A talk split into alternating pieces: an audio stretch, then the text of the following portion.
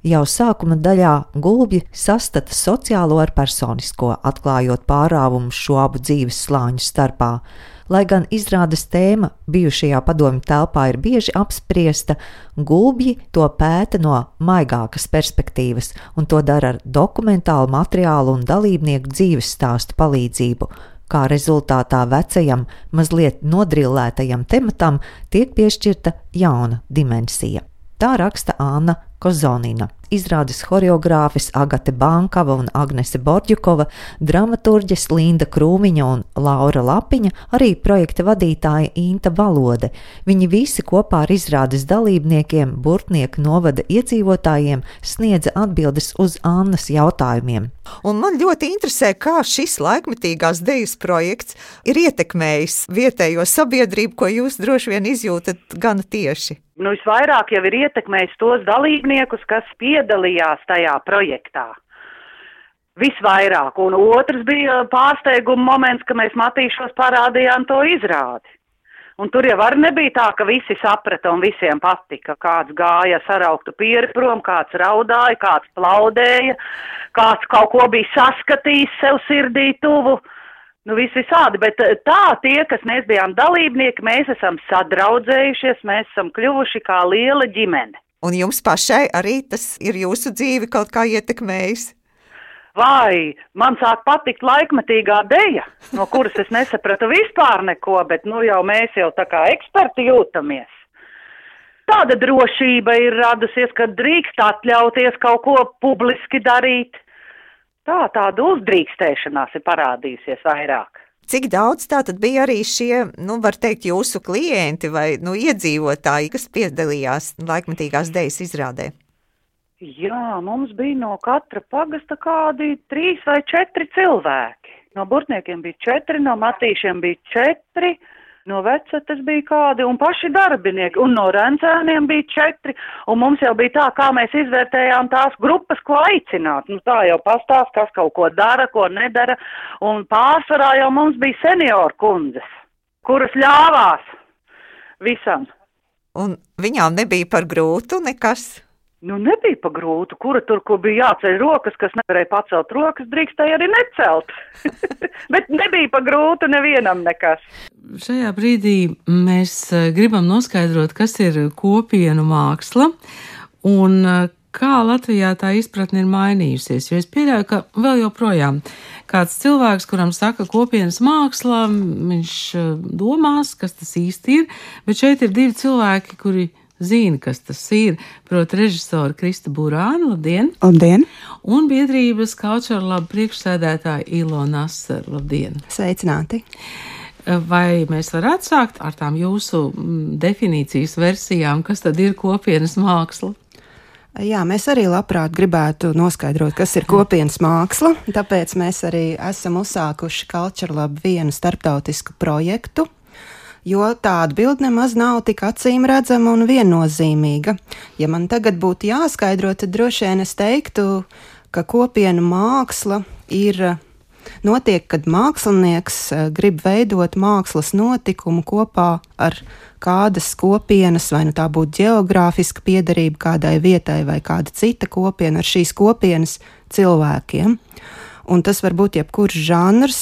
Mums ir kopiena teātris Latvijā, kļuvis pazīstamāks kopš simtgades projekta Šekspīrs satiek Blaumani. Bet tas var būt arī cits žanrs, un tas var būt arī starpdisciplinārs projekts, kur sadarbojas vairāki mākslinieki, režisori, teātra, scenogrāfi, dizaineri, choreogrāfi, komponisti.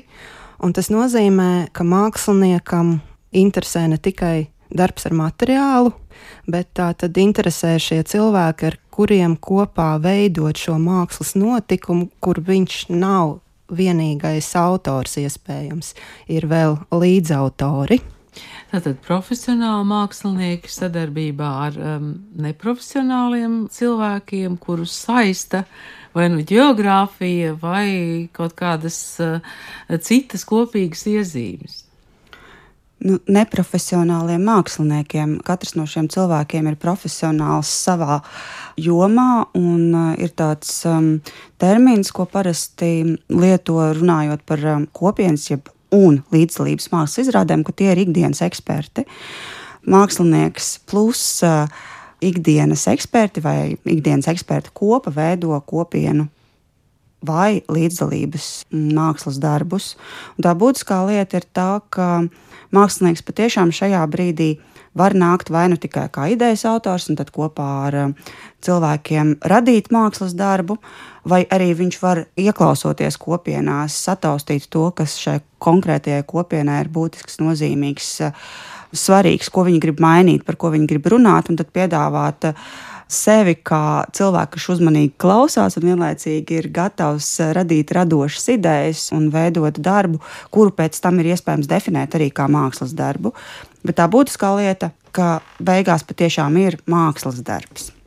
Un tas, ko jūs vaicājat par to, kā ir izmainījusies šī situācija Latvijā, tad nu, pēdējos 15, eh, varbūt pat 20 gadus kopienu mākslas un līdzdalības mākslas darbi Latvijā parādās. Sākotnēji viņi parādījās vairāk kā piemēri no ārzemēm. Jāmin festivāls Homonovus, kurš ļoti aktīvi ir visu savu pastāvēšanas laiku strādājis ar šādu aktīvu mākslas darbu vešanu uz Latviju. Un tad manā gadījumā tiešām Homonovus ir tā skola, kur es izgāju, lai saprastu, ka šādus mākslas darbus ir iespējams veidot un ka tas ir ļoti nepieciešams. Ar ko jūs sākāt? Kāds bija pirmais projekts? Jāsaka, pirmais projekts šķiet, ka bija vispār saistībā ar fotografiju un saucās eh, Pasaks par bezmiegu, un viņš tapa Parīzē, kur es klīstot pa Parīzi, pidžamā un ar spilvenu rokās meklēju cilvēkus, kas māk, zina šūpuļdziesmas un kas varētu mani nolikt gulēt. Tādējādi kā strādājot ar Parīzes iedzīvotājiem un meklējot to kopīgo tieši vajadzībā eh, radīt drošu vidi. Bet pēc tam nu, tāds eh, reāli Rīgas kopiena bija pelēka asfalta stāsts ar Arnestu Biržnieku upīšu ielā. Man liekas, tas bija 2008. gads. Eh, Survival kit ietveros, kad mēs strādājām ar visas ielas kopienu ar iedzīvotājiem un saistījām vēl klāt citus stāstniekus un pārvērtām šo ielu par tādu aktīvu notikumu vidi, kur saturu patiešām radīja cilvēki, kuri tur dzīvo un cilvēki, kurš šīs vietas nonāca. Es biju tikai kā cilvēks, kurš rada šo iespēju. Um, jā. Vai Latvijā cilvēki vispār ir atsaucīgi šādiem projektiem? Jūs droši vien, Ilona, to zinat. Jā, Man varbūt uzreiz jāsaka, ka ļoti svarīga persona šādos projektos ir mākslinieks, jā, un ir eh, šie kopienas pārstāvi, ka pa vidu ir vēl viens cilvēks, eh, ko man grūti laikam latviski atrast to apzīmējumu, sanāk tādi neveikli angliskie tulkojumi kā facilitators vai mediātors, nu, respektīvi tas radošais kops, vidutājs, jā, savienotājs, kas padara iespējamu šo procesu reāli un palīdz noorganizēt. Jo tas prasa daudz laika, lai izveidotu šo sarunu, šo komunikāciju, šo dialogu. Iespējams, ka sākumā galīgi nav šīs atsaucības. Man liekas, Krista ļoti labi to ir redzējusi savā purciem projektā, mm -hmm. par ko viņa var pastāstīt. Bet tā tad tas prasa lielu pacietību gan no šī mākslinieka puses, gan no vidutāja puses iespējams, kam ir pietiekami liels entuziasms eh, un vēlme šo projektu tomēr realizēt. Un droši vien tās situācijas dažādās vietās atšķirās, bet ir iespējams strādāt arī ar cilvēkiem, kur sākumā nav atsaucības, vai ne? Purvciem projekts bija tajos purvciem dzīvokļos? Tā bija izrāda robežas, um, kas um, notika Purciem Ķīnas mūrī, kur šī Ķīnas mūra iedzīvotāji bija tik drosmīgi, lai atvērtu durvis skatītājiem, un skatītāji ar cietacīm no pilsētas centra devās un klausījās Purciemā dzīvojošo cilvēku stāstus par dažādiem robežu pārkāpšanas um, situācijām viņu dzīvēs. Un, jā, tas bija ārkārtīgi sarežģīts un ilgs process, lai mēs radītu iespēju cilvēkiem uzticēties, atvērties, un lai viņi patiešām būtu gatavi svešiniekam izstāstīt um, sev nozīmīgu dzīves stāstu. Turklāt kaut kādas noteiktas, um, noteikti mākslinieciskas formas ietvaros. Bet man liekas, ka būtiski ir vispār uzsvērt to, ka kopienu mākslas darbi rodas tajā brīdī, kad ir atvērts gan mākslinieks, gan tie cilvēki, ar kuriem viņš ir gatavs uzsākt sarunu. Bet vienlaicīgi tas process var būt arī no otras puses, ka ir kopienas, kuras saprot, ka viņiem ir kaut kas, ko viņi vēlas teikt, un tad viņi meklē mākslinieku. Tāda ir pieredze biedrībai Initium, kas tieši strādā ar kopienu teātra projektiem. Un tad ir, jā, tad ir pašvaldības, kas eh, ir viņiem zvanījuši un teikuši, mēs vēlētos kaut kādu mākslas notikumu kopā izveidot, vai jūs mums varētu palīdzēt. Un tad tas, um, un mēs arī runājām šajā tīklošanās eh, notikumā kopā ar Ilonu un arī ar Initium vadītāju Ievu Niedru, ka bieži vien kopienas vēlas stāstīt nu, kaut ko brīnišķīgu par sevi, par to, kas mums ir superlabs un par nozīmīgiem vēstures notikumiem vai par, par kaut kādu ļoti skaistu tradīciju vai par dabu, bet cilvēki baidās runāt par tiešām sāpīgām problēmām un par to, ko vajadzētu risināt. Un tad mākslinieks vai šāds vidutājs, kā Ilona vai kā Initium, ilgās atkal un, un ļoti nopietnās sarunās ar kopienas pārstāvjiem saprot, ka ir svarīgi stāstīt arī šos negludos, grūtos stāstus, jo tikai tajā brīdī, ja mēs viņus izrunājam, mēs noformulējam to problēmu, mums ir iespējams meklēt risinājumu. Mākslas darbs var palīdzēt ieraudzīt kaut kādas uh, nu, citus skatu punktus un tāpēc arī negaidītus risinājumus piedāvāt. Tā galvenā jēga kopienas mākslā ir um, atrisināt kādu jautājumu, radīt mākslas darbu, vai varbūt vēl kaut ko ilglaicīgāku. Manā pieredzē un priekš sevis es esmu nodefinējis, ka kopienas māksla pirmkārt rada vietu un vidi uzticības pilnām attiecībām. Tas ir pirmais līmenis. Mēs pierādām to, ka uzticēšanās ir iespējama, ka mēs varam sadarboties pat tad, ja mums pirmajā mirklī šķiet, ka mēs pārstāvam divas absolūti pretējas pozīcijas. Mēs meklējam sevi prasmes kopā radīt. Un tas ir ļoti būtiski, ka mēs topam par radītājiem. Otra lieta, kas ir saistīta, protams, arī ar iepriekš teikto, ka viņa trenē cieņpilnas attiecības. Un arī tas ir tas, ko mēs varam mēģināt mainīt mūsu sabiedrībā. Mākslas darbs pats par sevi ir nozīmīga lieta, bet tā ir pārējoša lieta. Svarīgi ir tas, kas šajā kopienā paliek. Un tās ir šīs vērtību lietas. Ilona, jūs sākumā teicāt, ka jūs arī šobrīd esat procesā, lai noskaidrotu kopienas eh, mākslas eh, jēgu būtību un tā tālāk eh, notiek tīklošanās procesi. Jā, mums ir sadarbības projekts ar Zviedrijas un Igaunijas partneriem, un tālāk mēs domājam arī izvērsties, piesaistot citu valstu partnerus, arī sadarbībā ar biedrību Nitium, kopienu mākslas teātrus, kas veido šo kustību attīsta. Jo, piemēram, Lielbritānijā var maģistra līmenī studēt un apgūt kopienas mākslu. Nu, mums šādas iespējas nav, tāpēc ir tā doma, ka tiem, kas jau kaut ko ir paveikuši un izdarījuši, ir vērtīgi no viņiem mācīties un pārņemt šo pieredzi un dalīties šajās zināšanās vismaz tādā neformālā veidā, lai katram nav caur eksperimentiem jāatklāj šis te kas varētu noderēt, eh, organizējot kopienas mākslas procesus un projektus. Un arī māksliniekiem, es domāju, vērtīgi ir eh, dalīties pieredzē, jo vienmēr paliek šis jautājums, Kas tad eh, pasaka, vai šis projekts ir bijis vērtīgs, nozīmīgs? Pagājušā nedēļā mums bija Frančiska Mataraso no Lielbritānijas prezentācija, kas jau 40 gadus strādā ar kopienas mākslas projektiem. Viņš tieši uzdeva šo jautājumu, kas tad jūsuprāt nosaka, vai jūsu projekts ir izdevies, un viņa prāt tie ir paši projekta dalībnieki, kas ir galvenie, kas arī ir tas rādītājs, vai, vai projekts ir bijis vērtīgs un nozīmīgs.